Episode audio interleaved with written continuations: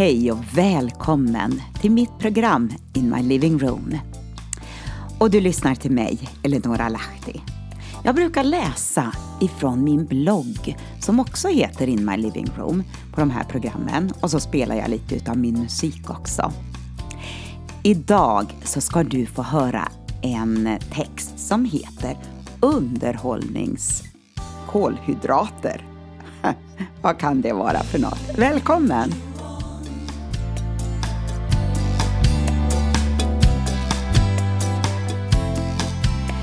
Ja men kolhydrater, det har vi väl ändå lite koll på kanske vad det är för någonting. Det är ju det som ger energi till våran kropp. Och eh, kolhydrater, ja det kan vara socker, det kan vara stärkelse, det kan vara cellulosa. Socker, ja det kanske vi äter för mycket utav, många i varje fall. Och kolhydrater är det ju, eller nej inte kolhydrater, jag menar stärkelse. stärkelse, vad är det för någonting? Ja men du vet när man ska reda en, en sås eller en kräm, då kanske det behövs lite potatismjöl. Där finns det gott om stärkelse. Och så har vi cellulosa. Och det kan vi ju kalla för fibrer i våran kropp. Men eh, det ger ingen energi till oss, för vi kan inte tillgodogöra oss det Eh, de eh, cellulosa molekylerna.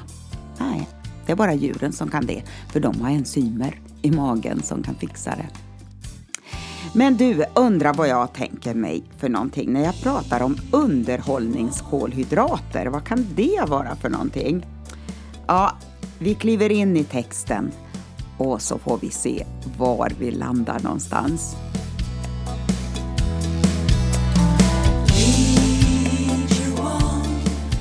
Så otroligt trött jag blev ikväll. Jag somnade en liten stund vid åtta tiden efter popcorn. Ja. Och jag minns gymnasietiden när jag varje gång somnade på sängen då jag försökte läsa på historialäxan. Jag tyckte inte den var så intressant, nej. Men för mig i min värld och i min tid nu så hade jag ätit potatisbullar i skolan.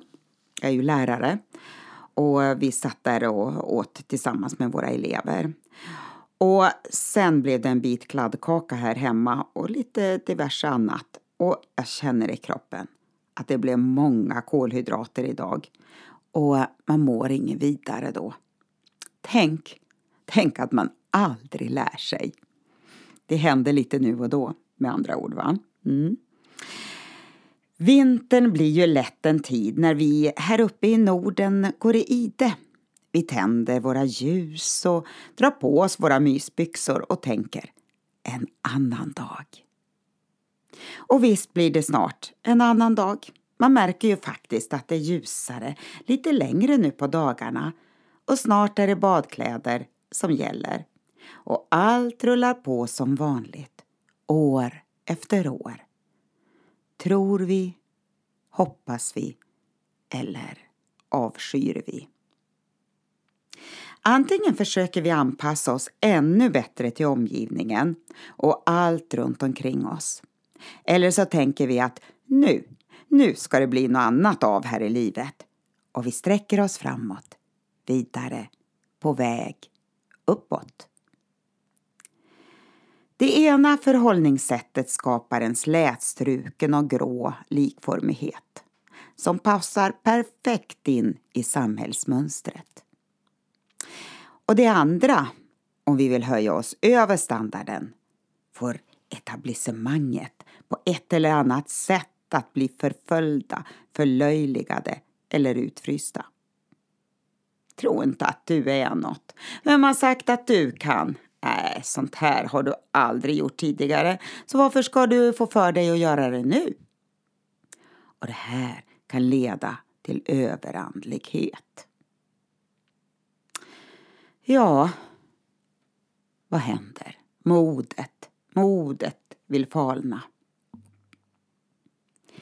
Den här tidsålderns anda vill hela tiden hålla oss tillbaka ifrån att växa och leva i den potential Gud har för oss. Det är så lätt att vi slår oss till ro, för vi har fått för många underhållningskolhydrater som gör oss trötta, sega och slöa och vill sova. Eller så är det många röster med olika åsikter som talar och håller oss tillbaka. I Romarbrevet 12 och 11 det står det Slappna inte i er iver, håll er brinnande i anden. Tjäna Herren. Gläd er i hoppet, var uthålliga i lidandet och ihärdiga i bönen. Men hela tiden känner vi maningen inom oss. Och vad säger den? Jo, gå på, ge inte upp. Du ska inte längre vara ett eko. Du ska vara en röst. Och sätta en standard och leva en livsstil som är över tidsandans normer. I Romarbrevet 13, där står det så här. Det ska ni göra, väl medvetna om tiden, att stunden redan är inne för er att vakna upp ur sömnen. Natten går mot sitt slut och dagen, ja, den är nära. Låt oss lägga bort mörkrets gärningar och klä oss i ljusets vapenrustning. Låt oss leva värdigt. Det hör dagen till. Inte i utsvävningar och fylleri. Inte i otukt och lösaktighet. Inte i strid och avund. Nej, ikläd er Herren Jesus Kristus. Och ha inte sån omsorg om kroppen att begären väcks till liv. En annan översättning säger Se till att era liv tål dagsljuset. Delta inte i vilda fester, drick er inte fulla och lev inte i sexuell lössläppthet och omoral. Strid inte med andra människor och var inte avundsjuka. Vi kan tala och vara en röst i tiden och inte ett eko av världsandan.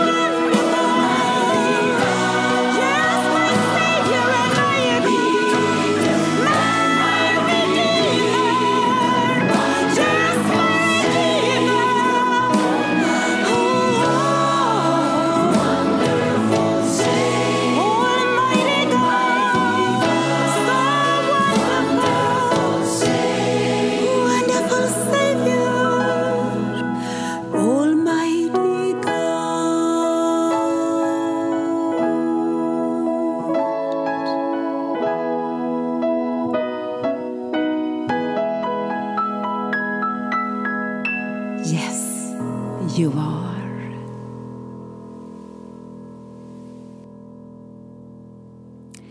Ja, det är mycket som kan få oss att tappa fokus i tillvaron.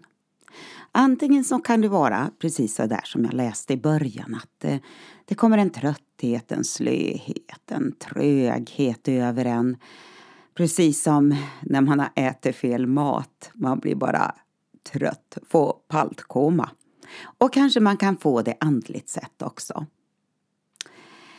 Men eh, vi kan också ramla ner i ett annat dike där eh, det är så mycket utav eh, det som händer runt om oss som fångar oss. Det är, ja, det är allt möjligt. Prat om corona, prat om krig, jordbävningar, avfall, bedrägeri, översvämningar, bränder, vulkaner. Ja, men du hör. Det finns ju så mycket som bara kan fullständigt äta upp oss av det som kommer i bland annat nyhetsrapportering. Men Bibeln den talar om att du och jag ska vara ett salt och ett ljus i den här tiden. För det är en förruttnelse som är på gång runt om. Och om vi är saltet så kan vi vara med och förändra någonting. Kan vi vara ljuset så kan vi vara med och hjälpa människor rätt. Så det tror jag är viktigt att vi tar till oss. Så att vi inte bara liksom antingen gräver ner oss i den ena skyttegraven eller den andra. Och det finns ett härligt bibelord i Lukas 21 och 28. Där står det så här. För det, det, det, är ju en tid när det ska vara massor med såna här saker. Det står om hur folk ska gripas av ångest och stå rådlösa. Människor ska ge upp andan. Ah, det finns så mycket att bli rädd för.